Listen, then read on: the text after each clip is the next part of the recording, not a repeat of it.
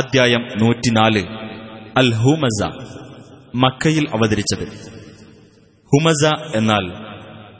കുത്തുവാക്ക് പറയുന്നവൻ എന്നാണർത്ഥം കുത്തുവാക്ക് പറയുന്നവർക്കും പരദൂഷണക്കാർക്കും താക്കീത് നൽകുന്നതുകൊണ്ട് ഈ അദ്ധ്യായത്തിന് ഇപ്രകാരം പേർ നൽകപ്പെട്ടു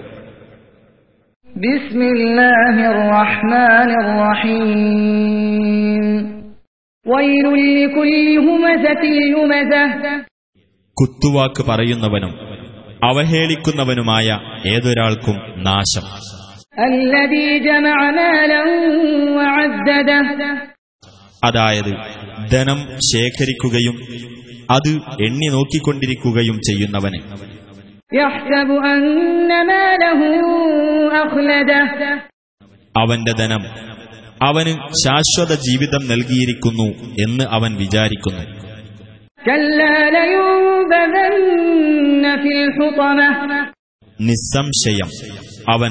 ഹുത്വമയിൽ എറിയപ്പെടുക തന്നെ ചെയ്യും وما أدراك ما الحطمة ഹുത്വമ എന്നാൽ എന്താണെന്ന് നിനക്കറിയാമോ نار الله الموقدة